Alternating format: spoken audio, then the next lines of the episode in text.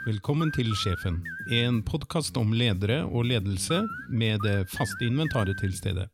Jan Kjetil Arnulf, professor i ledelse ved Handelshøyskolen BI, og meg selv, Henning Askelien, gründer og konsulent. I dagens podkast har vi med oss to ledere fra toppidretten. Det er Cato Haug, nåværende styreformann i norsk toppfotball og tidligere toppleder i Sarpsborg 08. Og så har vi med oss Sten Gunnar Jørgensen, ressurstrener i hockeyklubben Sparta Sarpsborg. Jeg er selv fra Sarpsborg, som både Cato og Sten Gunnar. Jan Kjetil er derimot ikke fra Sarpsborg, men har det samme forhold til Sarpsborg som Olav den hellige hadde til Sarpsborg. Dagens podkast ble innspilt i et ambulerende studio i Sarpsborg under de strengeste covid-regler når det gjelder avstand mellom deltakerne, slik at lydbildet dessverre ikke ble helt som vi ønsket. Men vi håper at lytterne er overværende med oss denne gangen. Og Jan Kjetil eh, åpner som eh, vanlig ballet. Trenere og sport, og om det egentlig, hva det egentlig har med ledelse å gjøre, det var liksom det vi tenkte på. Og det begynte jo egentlig for at nesten alle folk tror jeg i Norge har et forhold til sport og trenere, og det er veldig få som ikke har det. da. Eh, og så har vi jo på jobben hos meg så har jeg en kompis som sa at du må, du må prate med han i, i, han i uh, Sarpsborg 08. Han der Cato Haug, han må du prate med. Sant? Hvorfor det? sier jeg. Nei, det er for at Du har jo skrevet om fotballtrenere. Han må du prate med, han har egne ideer. skjønner du. Så fikk jeg telefonnummeret, og han heter Cato Haug, og han sitter her nå. Og da så sa du ja, men vi må ha Det er jo flere som mener noe om sånt, sa du. Ikke bare mener om det, men det er, det er flere toppidrettslag her i Sarpsborg hvor vi er nå. Ja, for det er det. Og der, der har vi et hockeylag hvor vi også har med en eh, i dag en trener som heter Sten Gunnar Jørgensen, som også har meninger og tanker om eh, trening og ledelse. Og identitet og kultur. Ja, det, det stemmer, for du er sånn assistenttrener, du som jobber med slike ting. Ja. Akkurat. Ja, Der kan du se, og der er vi i gang allerede. egentlig. Ja, ja, ja. Men kanskje de andre herrene skal få lov til å introdusere seg selv litt mer? da. Skal vi begynne? Cato, si noen ord om deg sjøl. Ja. Jeg er jo jeg er isegutt, det pleier jeg alltid å si. Det Ref identitet, så handler om eh, hvor du faktisk kommer fra. Men det er fortsatt Sarpsborg? Det er vi Jeg er fortsatt Sarpsborg. Det var Skjeberg kommune. Jeg er blitt så gammel at det var Skjeberg kommune den gangen. Men, eh, den gangen jeg ble født. Men eh, født og oppvokst på Ise og har et langt liv i Det er vel to-tre sånn eh, kjennetegn på livet mitt. Det ene er Jeg jobba i Forsvaret i mange år. Tok utdannelsen min gjennom Forsvaret. Og, og jobba der i flere år. Og så er det fotball. Og så er det familie og friluftsliv, vil jeg si. De tre kjennetegnene er nok, eh, er nok mitt liv. Og jeg har jobba masse med ledelse og organisasjonsutvikling. Hatt egentlig de fleste rollene i, i fotballen. Mm. Både i klubb og krets og administrative roller og politiske roller. og Gjennom et liv har det blitt mange, mange ulike oppgaver. Akkurat nå så driver jeg mitt eget eh, selskap sammen med tre andre partnere som heter Dynamic. Driver med coaching, og i disse koronatider ansikt til ansikt. Det er jo et, eh, det er lett å selge i, i, i disse tider. Så det er litt mindre å gjøre akkurat nå. Jeg sitter også som. Ja. jeg sitter også som styreleder i norsk toppfotball, og det ble valgt der i, i mars i år. Og det, det passa veldig bra, for når jobben forsvant mer eller mindre, så kunne jeg bruke all tida mi på, på dugnadsarbeid i frivillig organisasjon. Dette er jo en interesseorganisasjon for de 32 toppklubbene. Sånn at øh, vi jobber jo med ja, rammevilkåra til de 32 klubbene. Det er den viktigste jobben vår. Og du gikk rett fra som styreleder i Sarpsborg 08 til det vervet, gjorde du ikke det? Jo, det stemmer. Det var jo litt, litt av årsaken til at jeg gikk av. Eh, ikke hele og fulle årsaken, men jeg visste at jeg skulle over i noe annet. Og det finnes eksempler på at man har kombinert. Men jeg syns sånn integritetsmessig at det er veldig greit å, å ha bare én hatt. Selv om det er ikke noe tvil om at Sarpsborg er byen min og 08 er klubben min. Så, så er jeg nå, har jeg nå et ansvar for 31 andre òg, og da er det greit å, å rydde opp i det. Yes. Da har vi Sten Gunnar. Jeg har jo full jobb ved siden av ishockeyen. Eh, Jeg jobber som grafisk designer og jobber med markedsføring. Eh, Jeg er født og oppvokst ved siden av Sparta Amfi. Så jeg er liksom spartaner, da. Ja. I tillegg til å være, eh, være med og lede gjennom flere år. Eh, Jeg begynte på hockeyskolen sjøl i 1968. Eh, Og den treneren jeg hadde da, han er fortsatt eh, trener på hockeyskolen. Så det? Ja, ja. Han, han, Han er 70 år nå. Er på isen hver. Ja, kult. Så det er kontinuitet, er ikke? Ja, det er kontinuitet. Ja, han har vært der hele tida, og det, jeg kan huske han på første istrening. Da var jeg var sju år, jeg da. Akkurat fylt sju år. Og da var han treneren. Og nå har jeg et barnebarn som uh, har han som trener der, da. Så Jo, og så har jeg, og så har jeg spilt på Sparta opp gjennom åra og så fått, vært heldig og vært med på de laga som var gode på hele 80-tallet. Og så gikk jeg litt over og trente ungdomslag, og så var jeg en del innom noen landslag noen år. Og så har jeg vært tilbake igjen til Sparta nå. Eller nå, jeg har vært det er åttende sesongen nå. Jeg hoppa inn når jeg fikk måtte, mått, eh, Han fikk rett og slett sparken for noen år siden. Ja. En eh, amerikaner som var der. Som hadde helt andre ideer om hvordan man skulle Ja, han hadde sine ideer, og så er jo resultatavhengig, da. Fikk ikke resultatene, og til jul så fikk han beskjed om at eh, han ikke var med etter jul. Og da sto vi et par spartanere og skulle hjelpe dem ut sesongen, og etter det så har jeg vært der. Ja, det er, i, det er der jeg er. Men det er vel også et nøkkelord, eh, Jan Kjetil, dette med at uh, trenere som uh, ikke får oppnå resultatet med laget sitt, de blir bytta ut. Du har skrevet en artikkel om det. Ja, vi gjorde det. Uh, Jeg og Torvald Herum og Jon Erik Mathisen. Vi hadde og Det er litt, litt av inngangen til det vi gjør her i dag. For det store spørsmålet som alle alltid lurer på, er sant, når må treneren gå? Det er et sånt, og det, og er et, selvfølgelig et altfor enkelt spørsmål. Men samtidig så er det liksom, det kommer opp igjen og opp igjen og opp igjen i, i pressen hele tida. Og det blir brukt eh, så mye som eksempel i resten av ledelsеslitteraturen. Så jeg, jeg, jeg hadde lyst, lyst til at vi kanskje kunne begynne litt der. Kan vi begynne med temaet der sånn? Ja. Altså, når, hva gjør trenere, og hvor lenge sitter og når man går? For det vi gjorde, da, bare for å ha fortalt om den artikkelen Vi, vi regna på alle treneroppsigelsene i Tippeligaen i Norge over 13 år. Det er noen år siden vi gjorde det nå, altså, så det var liksom fra begynnelsen av 2000-tallet og så 13 år framover. Sånn 2012 eller sånn. 13 var det vi var. Så. Og da oppdaga vi det at ja, vi kunne regne ut når treneren må gå. Det vi kalte for trenerens dødskurve. Vi fant, eh, vi fant den gjennomsnittlige? Når, du, når du taper og taper og taper Ikke hver eneste kamp, men vi kalte det et rullerende gjennomsnitt. Altså gjennomsnitt over fem kamper nedover. Så når du da bikka ned på en, tror jeg, altså, eh, 1,12 poeng i snitt eller noe sånt, da, da er du ut. Det var det liksom, og det var felles for alle. da Ja. men det ingen hadde sett på, var hva skjer hvis du ikke sparker treneren. For det vi kan se, er at når de sparker treneren, så går det bedre etterpå. Og det er jo på en måte å forvente. Du fjerner noen som du tror ikke funker, og så går det bedre etterpå. Men det reiste to spørsmål. Det første var um, hva skjer hvis du ikke sparker treneren? Så vi tok alle de samme lagene, og så tok vi alle de kurvene hvor treneren, altså hvor utviklinga er helt lik, og så sparker de ikke treneren, og da går det mye bedre etterpå. Så hvis du bare sammenligner rent poengmessig, så går det bedre hvis du ikke sparker treneren, enn hvis du sparker treneren. Men det er veldig vanskelig å la være å gjøre, fordi du, det er veldig vanskelig å lære av å ikke sparke treneren. Det du kan lære Hvis du sparker treneren, så er den sparka den dagen, husker du.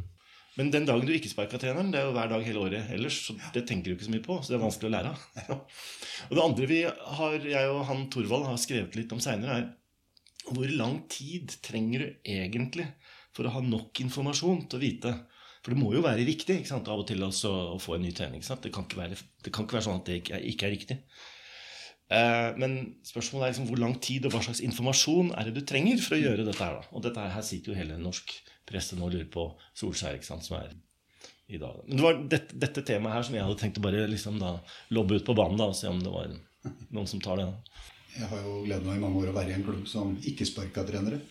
Eh, Sarpsborg 08. Vi har jo hatt en eh, tanke bak eh, å ikke gjøre det. Så har vi bytta trenere. Men det er forskjell på å bytte trenere og sparke trenere. Jeg tror det er kjempe... Den nyansen, som ikke er en nyanse engang, den er kjempeviktig å liksom reflektere over. fordi at det er jo sånn at trenere kan bruke seg opp over tid. Altså de, de kan kompetansemessig føle at et sånn litt slitt uttrykk som at 'jeg har mista garderoben', blir jo mye brukt. Men, men det, det går jo også på at man har på mange måter tømt seg litt for kompetanse. Man føler at nå er man ikke den rette til å ta dette til neste nivå. Eh, og da har vi alltid tenkt sånn at da skal vi, da skal vi bytte når en kontrakt går ut. Eh, og det har vi jo gjort jevnlig. Altså, vi har jo Brian og Ian som gikk kontrakta si ut, Roar eh, Som alle hadde egentlig suksess. eh, Men som vi følte på de tidspunktene at nå, nå trengte vi noe nytt, nå trengte vi noe annerledes for å ta klubben et steg videre. Og så er det jo helt riktig som du sier, det finnes jo mer forskning enn bare i Norge. Jeg vet, det vet jo du mer om enn meg helt sikkert, men det finnes i Tyskland og Italia som, som gjør de samme funna. At de, det lønner seg kortsiktig å sparke, kan lønne seg kortsiktig å sparke treneren, men det er bedre å ikke sparke i forhold til resultater. Og så Det som er mest interessant, syns jeg er ledelsen i dette. Altså hva, Hvorfor velger man til tross for at det finnes en god del dokumentasjon på at det ikke er over tid lønnsomt? Hvorfor gjør man det da? Eh, det er jo kanskje det mest interessante ved problemstillingen. Det er jo min hypotese, men eh, ikke sikkert den stemmer. Ja, vi kommer helt sikkert dit. Vi kommer helt sikkert. Men Sten Gunnar, du hadde jo akkurat noen fortalt om et tilfelle. Det er kanskje ikke riktig å gå det, det, er ikke, det er heller ikke tradisjon for det hos oss. Det bruker å være sånn som i 08 at de får ut kontrakter. Men eh, kontraktene har vært ganske korte. En periode som var ganske korte kontrakter. Det er veldig mye utålmodighet. Men jeg har vært både spiller og trener, og jeg har opplevd etterpå at jeg har lært mye, mye mer hockey etter at jeg ble trener. Mm. Hadde jeg kun det jeg kunne som trener når du var spiller, da kunne du vært god. For det, når du er spiller, så er du Det er den tida du er mest ubekymret, tror jeg. Mens en trener lever med det hele døgnet. Og jobber så hardt med at det skal være riktig for alle, at de skal ha resultater. Og det er liksom en hel livsstil, det der eh, treneryrket. Vi har, hos oss, vi har en hovedtrener, Sjur Robert Nilsen, som uh, i norsk ishockey er uh, en godt kjent person. Mm. Vært med landslaget i ja, det må jo nærme seg i hvert fall 15 år. Uh, og har noen OL og en, mange VM og alt det der. Og han, det er hans liv er jo ishockeyen. Han, han, lever jo helt inn i dette her. han er på nerdenivå. Og det sier han sjøl. Liksom det er detaljer og sånn. Han jobber jo uh, Han gjør ikke noe annet, han. Og er jo, det er så mye med video og så mye forberedelser og tilbakemeldinger og samtaler. Så vi har et, eh, et analyseprogram som heter Interplay og nå er rammeverket brent fast i skjermen. For det står på hele tida. Så liksom den, den, jobben som, som, treneren gjør, det er ikke så mange som vet om hva, hvor mange timer som ligger nede, og hvor høy kunnskap det er. Eh, og så er det veldig dømmende. Så hvem som helst kan dømme en trener uten at dere, dere har noen aning om hva som ligger bak her. Alt fra publikum til sportsjournalister ja, ja, ja. og alle som gidder å ha en mening. De kan ha en mening om det lokale idrettslaget. Det er, to, det er to ting alle kan. ikke sant? Det er Hvordan skal du trene et lag, og hvordan skal du dømme. Men det er, det er, jo det de betaler billettpriser og årskortene sine for, da, for at de skal kunne få lov å ha en mening om det. De skal jo kunne gå på puben etterpå og snakke om Nei, faen, nå burde man ha gjort sånn og sånn istedenfor sånn og sånn. Ellers er det ikke noe gøy. Mm. Så det er jo en del av spillet òg. Ja, ja. Så trenerne må jo tåle det, eller lederne, da. Så det er jo viktig. Det, jeg har hørt argumentet framført av noen da, som sier at uh, en av grunnene til at man holder på sånn, er at det genererer hele tiden aktiviteter, så da får du, kjøpt, da får du solgt mer uh, supporterutstyr og sånn, og det skaper brød og sirkus. Så jeg, jeg, har faktisk hørt det argumentet framført av noen da, som mener mm. at det er bra for butikken, rett og slett, at det er liv og røre. Mm. Uh, men ikke sant, at det, at det har ikke så stor instrumentell effekt. da. Men jeg tror jo, tilbake igjen til det som dere nå sier her, karer, så, så, så tenker jo jeg at det, eh, å være trener og gå opp i jobben og, og holde på med dette her, det er faktisk eh, det er faktisk en kompetansesport. Da. Det er eh, antagelig for de aller fleste som er inne i dette her, så er det oppslukende, og det er utrolig mye man kan kunne om det. Men hvem er, er, det at, er det trenere er en altså Det kan jo ikke alt være opp til treneren. Må jo komme, komme an på den organisasjonen som treneren virker inn i. Mm. Ja, definitivt. Og det er, jo, det er, jo, det som gjør at vi ikke har troa på å sparke treneren. For det første er det noen som har ansatt en trener. Eh, gjerne noen ledere, i et styre, eh, som bør ta sin del av ansvaret. Og på hvilke premisser og hvilke grunnlag har man ansatt. Og det er vel her vi føler at det er mye å gå på. Altså det, å, det å virkelig tenke gjennom hva slags trener hva slags slash leder. For meg så er en trener en leder. Man har en fagkompetanse på et område, og så skal man lede prestasjonsgruppe. Og hvilke, hvilke, egenskaper er det man skal se etter da, som passer inn i vår organisasjon? Det har vært masse diskusjoner i Rosenborg på å hente inn en trener som ikke spiller 4-3-3. ikke sant? Altså, nå blir vi veldig sånn fotballspesifikke, men, men, er det lurt? Altså, jeg tror den der jobben i forkant, en kravspesifikasjon, eh, er ekstremt viktig. Eh, og så skal vedkommende passe inn i en kultur. Altså Vi tok jo en kjempesjanse i 08 når vi henta Brian og Ian fra England med en sånn managerholdning. Ikke noe negativt om det, men det var jo det de kom med. Han ene var egentlig manager, og han andre var trener. I Sarpsborg, arbeiderbyen Sarpsborg. Med flat struktur og solidaritet i bånn. Eh, det er klart, eh, det var en risiko. Det ga oss ekstremt mye i de to åra. Men da er vi tilbake til at da så vi også at nå er nok tida inne for at vi må hanke det inn litt mer til Sarpsborg-kulturen og ta det videre. Og så ble det en Roar som mange måte var bilde på Sarpsborg-kulturen. Kom og slo unnifra og sørga for en fantastisk opprykk og seier mot Fredrikstad i 09. Ja, For tre og et halvt år siden så, så satte vi oss ned og så på en ny strategiplan. For vi var jo litt der som Cato sier, at vi hadde utenlandske trenere, og vi hadde mange nordamerikanske spillere. Og den kulturen i Sparta var i ferd med å bli vanna ut. Det var, og de var der ett år, forsvant, fikk spille andre steder, så kom det nye inn. Og det var nordamerikanske igjen. Uh, og vi fant ut at hvor er det blitt av liksom, identiteten til Sparta opp i alt dette her, da? For vi fikk ikke opp egne unge som som kunne styre garderoben. Og når folk kom utenfra, så ble vi veldig prega av dem som kom inn i laget. Og da bestemte vi vi satte oss ned og bestemte at vi vil ta tilbake vår identitet. Vi må vite hvem vi er, og hvor vi kommer fra. Uh, og vi vil satse på egne uh, unge, helst fra vår egen klubb, men unge norske talenter for å lage et utviklingsmiljø. Så vi fant jo Vi måtte ha trenere til A-laget som var gode på utvikling og som trener hardt, og som, som, ville utvikle spillere fra et nivå til å bli elitespillere. Mens eh, eksempel Stavanger er jo lokomotiv i norsk ishockey. Der er det litt annerledes. De har stort sett bare bra spillere som har kommet inn. Og har en litt annen måte å være trener på der borte. som Du har skal Du får en del spillere som er mer eller mindre ferdig, som du skal få til å funke som et lag. Men hos oss er det viktig at den treneren vi har, jobber med utvikling og blir hele tiden får spillerne bedre. Mm. Så det er en litt annen, eh, annen, vei å gå, det vi har valgt. Men eh, i hvert fall så har vi nå 14-15 unge spillere fra egen klubb som får være med i spille elitehockey. Eh, så det har vært viktig for oss. da. Det, jeg syns dette er veldig gøy å høre på. da. Fordi noe av det som, noe av det som plager meg da, når jeg jobber med ledelse ofte, holder foredrag og, og jobber med lederutvikling og sånn, er, det er en veldig eh, stor tro på der ute at ledelse er én ting. Og kan du det, så kan du det. Og kan du det ikke, så kan du det ikke. ikke altså, det er veldig sånn Det, det er én greie, da. Ja.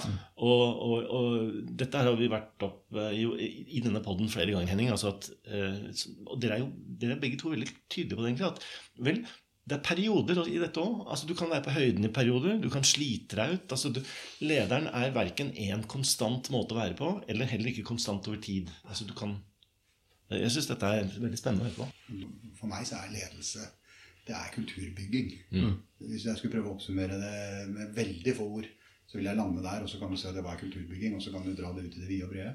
Men, men, det handler om, og det tror jeg både Sparta i mange perioder har vært gode på, og, og når dere gjorde de grepa dere gjorde, og skjønte at det å ha utenlandske trenere, utenlandske spillere, det, det, er andre kulturer som kommer inn mm. og skal implementeres i, i Sarpsborg-kulturen det er en utfordring. Og det er jo det vi erkjente tidlig. Så vi har jo jobba i 08 ekstremt mye med kulturbygging.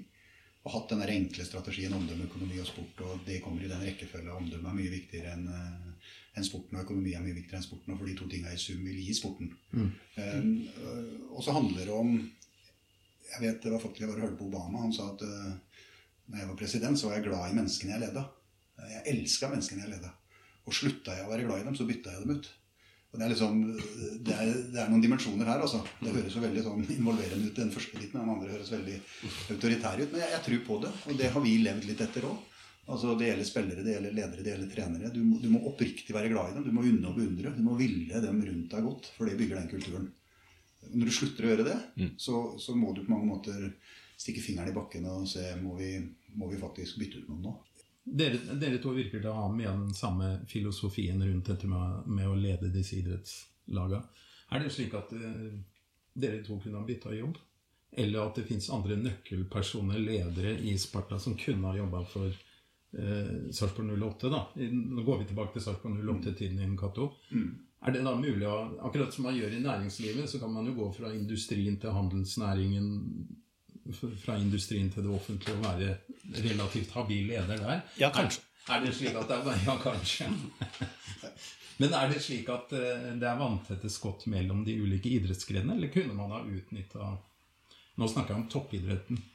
Nei, jeg tror, eh, jeg tror vi kunne bytta jobb. Eh, så jeg har lyst til å si at Da er vi tilbake til kultur. Det er et par ting som i Sarpsborg 08, og det som tror jeg det er litt i Sparta også, så har vi sagt at det er ingen enkeltperson som er viktigere enn fellesskapet og kollektivet. Det høres ut som en sånn floskel, men det er ikke det. Når vi bygde det nye administrasjonsbygget og skulle henge opp bilder, så henger det henger ikke ett bilde der av enkeltpersoner. Nei. Det er ikke tilfeldig, selvfølgelig. Eh, Sarpsborg 08 heter Sarpsborg 08, altså det er bynavnet i navnet. Sarpsborg stadion heter Sarpsborg stadion. Vi har fått tilbud om å selge Sarpsborg stadion-navnet, som vi kunne solgt for mange mange millioner. Men som vi har sagt, det er ikke til salgs. For det skal hete Sarpsborg. For det er, det er Sarpsborg by, det er Sarpsborg vi er til for.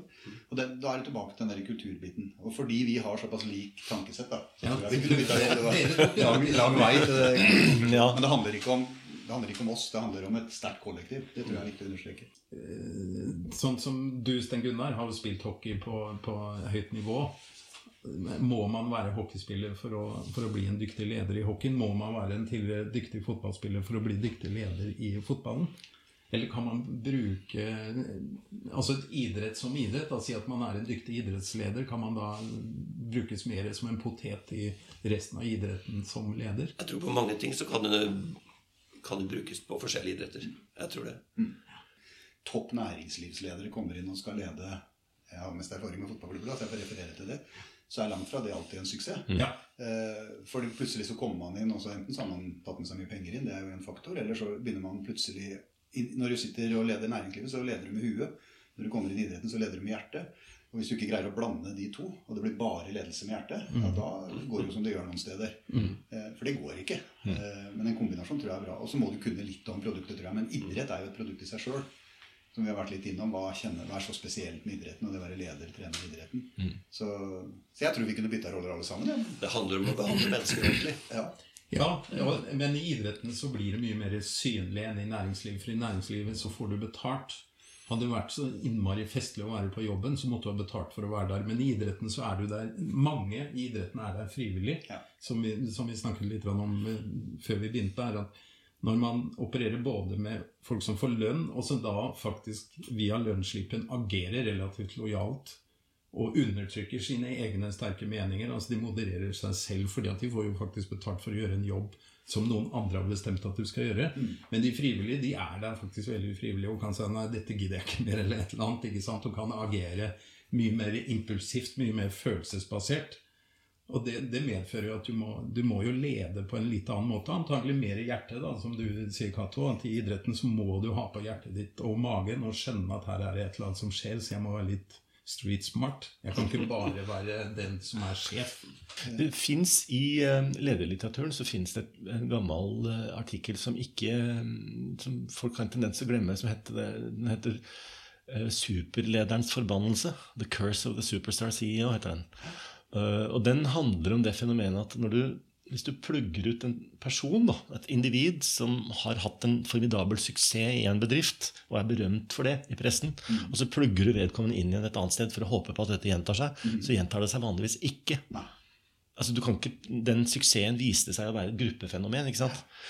Derimot så er, sier folk at det faktisk kan være en forbannelse. Da, fordi at eh, hvis, du, hvis du gjør det, så gir du fra deg mye av si, lagets sosiale kapital, det vi faktisk står for her. Du gir fra deg det til en outsider som får lov til å gjøre mer hva han vil.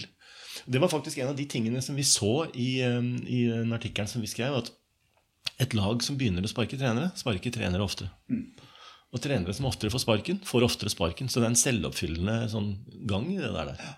Du må ikke, må ikke fortelle hodejegerbransjen dette her. Det er sånn røsketeppe. Ja, Men de selger jo bare kompisene sine likevel. Alle vet jo det. Du sa det, Cato, at eh, det er Når du sier lederstyrt klubb, eller ledelsesstyrt klubb, tror jeg du brukte ordet, så tror jeg i folk sine hoder, pga. at ordet manager på trenere, så er det veldig uklart for folk hvem som egentlig leder en klubb. Men når du sier det sånn, så tenker jeg at den som leder klubben, er den som ansetter treneren. Ja, han har i hvert fall stor makt i forhold til det. At, men jeg tenkte det var det du mente Ja. når du sier ledelsesstyrt. Ja, og jeg, jeg mener også at hvis jeg er veldig konkret, så er det et årsmøte i Sarpsborg 08 som velger et styre. Det, altså, det er byen som velger det styret. Tilbake til identitet. Mm. Det styret det har ansvar for å lede den klubben mellom to årsmøter. Og det styret det plukker ut noen nøkkelroller som vi definerer noen tydelige oppgaver til. En daglig leder som har sine oppgaver, en sportslig leder som har sine oppgaver.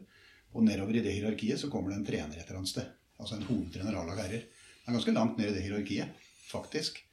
Og det må, hverdagen må bære preg av det. Altså Den utøvende ledelsen må bære preg av det. Så betyr ikke det at jeg som styreleder, eller Espen Engebretsen som nå er ikke jeg styreleder lenger i Sarpsborg men Hans Petter Arnesen eller Espen Engebretsen som daglig leder skal stå og uttale seg om alt. Treneren kan uttale seg om mye, men det handler jo om den kulturen vi greier å bygge internt. sånn at og hvor vi er veldig tydelige på hva er det Vi fordeler oppgaver veldig tydelig. Hva er det treneren skal uttale seg om, hva er det lederen skal uttale seg om. I gode og onde dager. I 2018 så var det jo morsomt å være Geir Bakke. Det var jo bare glanstider. Men eh, så plutselig så skjer det noe da, som gjør at da skal kanskje noen av oss eh, ledere stå fram, hvis det ikke er så positivt. Og så må vi finne den balansegangen. Det handler om for meg å være lederstyrt. Og Det betyr at det er ikke noe farlig å ansette en trener på vanlig kontrakt. Jeg skjønner jo ikke hvorfor vi skal drive og ha sånn korttidskontrakt. Jeg, da, for de fleste arbeidsavtaler har tre måneder eller seks måneders oppsigelse. Mm. Hvorfor kan vi ikke ha det med trenere også? Mm. Og så må vi regulere den kontrakta sånn at vi har mekanismer så begge parter kan komme seg ut av Og som ikke i alle tilfeller heter fem millioner i, i pakke. Det går an å finne andre løsninger. ja. Men bare for å ha, Før vi går dit, da, så tenkte jeg på for var, jeg, jeg, hørte Sten Gunnar si det der med å spille skøytesterkt og, og, med press og sånn, så tenker jeg at det er føringer som er lagt på treneren når du ansetter treninger. Altså, det er et eller annet at Klubben vil ha det sånn, ja. så treneren er ikke fri til bare å bestemme Nei, det, det, er viktig for oss nå at vi får trenere som har den samme filosofien. Så dere også sånn sett er si, ledelsesstyrt, og så treneren er ansatt av klubben. Mm. Ja. For jeg tror nemlig at eh, i, eh, altså Det fins i, i, det der som heter ledelsesteori og ledelsesforskning, så fins det noe som heter altså da, fascinasjon for ledelse. Og det er en sånn tendens som folk har til når du får en lederfigur som står veldig fram. Og det vil jo en trener gjøre, for at treneren syns jo. Uh, treneren syns i kampene og syns i pressen. Og, um, så, uh, så, det er et eller annet at folk har en tendens til å kortslutte sin oppfatning av en organisasjon. Mm. Og så blir allting på grunn av treneren, eller på grunn av denne lederfiguren som står fram. Mm. Vi har jo et eksempel på det antagelig i USA akkurat nå for tida. At det er liksom men hvor, hvor uunnværlig er treneren, på en måte. Mm. Så det var derfor jeg var litt sånn fascinert av den tanken om at de der kontraktene jeg sier at det, altså, uh, laget er større enn treneren. da, på en måte. Mm. Men det er veldig vanskelig, er min erfaring, å involvere mange mennesker i en sånn diskusjon. Altså, Det er ikke lett da, å ha en, å utvikle kultur på den måten her. Men Cato sa en ting her nå, at eh, det er jo Sarpsborg som velger styret i Sarpsborg 08. Teknisk sett så er det jo medlemmene i Sarpsborg 08 idrettsforening som teknisk sett velger. Men det er interessant at du bruker det begrepet at det er Sarpsborg som velger, for jeg vet at Sarpsborg 08 er egentlig bygd opp av en ganske bred gruppe av andre klubber i sin tid. Mm. Oppbyggingen av Sarpsborg 08 var å dra med mange andre fotballforeninger, små og store, i distriktet her og bygge opp. slik at det du kanskje sier, det er det at Sarpsborg som miljø, altså som, som, by, har en sånn generell interesse av at det blir valgt i riktig lederen, og derfor sier du at det er Sarpsborg som bestemmer hvem som Altså du, du, du, ender opp i en sånn eh, situasjon hvor du sier at Sarpsborg 08 er Sarpsborgs befolkning, eller de som sogner til Sarpsborg, sin interesse. Ja. Og det er det som er den viktige delen. Det er det som er helikopterposisjonen for, for uh, Sarpsborg 08. Og det syns jeg er fascinerende, for det har vi hatt i industrien her før. Det er jo det vi hadde med Borgården. Og det, sånn som, eh, sånn som Grenlandsområdet hadde jo også det med sin industri. At Hydro i Grenland og Borgården i Sarpsborg, det, det, var liksom Det er toppen, det. Det er, det er der vi Det er vår identitet. Det tilhører Sarpsborg. Og, og, nå har vi, da, har vi disse to idrettsforeningene, og vi har et par andre òg som er i elite. Så du ser på dette her som det de eh, på, kaller for clusteret i, i, eh, i ja. sånn næringsutviklingssammenheng? Så Sarpsborg 08 og Sparta er egentlig clusteret? Sammen med Det er vi innebandyen vi har i tillegg, som er på toppnivå i Sarpsborg, på elitenivå. Og det er en cluster av av idrettsforeninger som da vi har skapt her. Og som gir arbeidsplasser, og som gir omsetning i nærmiljøet. og og aktivitet. da. Med all respekt for alle andre idretter, så tror jeg liksom at Jeg tror jo personlig, og jeg, jeg, har ikke belegg for det jeg sier nå, så jeg får understreke det om at det sitter en professor her, også, så blir jeg arrestert på sånne ting. Men, eh, men jeg tror at det, de to sterkeste merkevarene i, i Sarpsborg, hvis du går ut av Sarpsborg, det er Sarpsborg 08 og Sparta. Sparta fordi de, de, tok en posisjon og har hatt den posisjonen ekstremt lenge i hockeyen.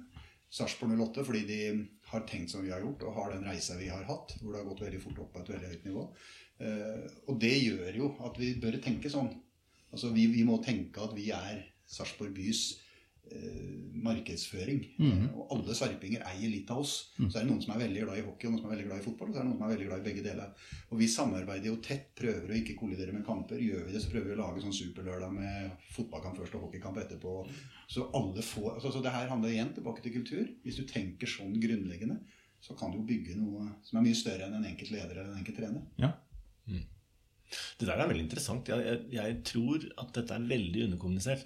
Altså vi, vi jeg er jo, for å, for å være helt ærlig, jeg er ikke ve- veldig interessert verken i Manchester United eller i, Ole Gunnar Solskjær. La meg bare bekjenne det. Men jeg, det jeg er veldig interessert i, er noe som vi da døpte litt sånn fåsete for Solskjær-effekten her for et par eh, et år siden eller to. Som handla om den ekstreme interessen for, for Solskjær som brennpunkt for Manchester United fordi han er norsk. Og da hadde den der forskningen vår som handla om at vi ikke eh, trodde så mye på da, trenerbytte i seg selv som et vesentlig moment, den, til å begynne med så var det mange som syntes at det var ganske stilig. Helt til Solskjær ble trener i Manchester United. Da var det et miljø, forskermiljø i Norge som hata forskningen vår og mente at vi nå, nå var vi for breiale. Og det miljøet var ikke helt uventet i eh, Molde forskerne i Molde mente at nå var det på tide å, å skjønne at, at frelseren var kommet til Manchester United. Og sånn var det bare. Så det er et eller annet med den den derre- Dere snakker nå om identitet og kultur og clustere. Altså den, den, si, den store vi-følelsen på en måte utafor som et vesentlig moment. Mens, mens da pressen og denne dialogen har en utrolig tendens da, til å å fokusere inn på individet som det altoverskyggende viktighet. Det er, det er veldig rart å se. Ja, for du kan ikke ta bilder Du kan ikke ha bilde i pressen av oversiktsbilde av Sarpsborg hele tiden. Nei, men det er vanskelig, da. Ja, ja, ja. Det er vanskelig.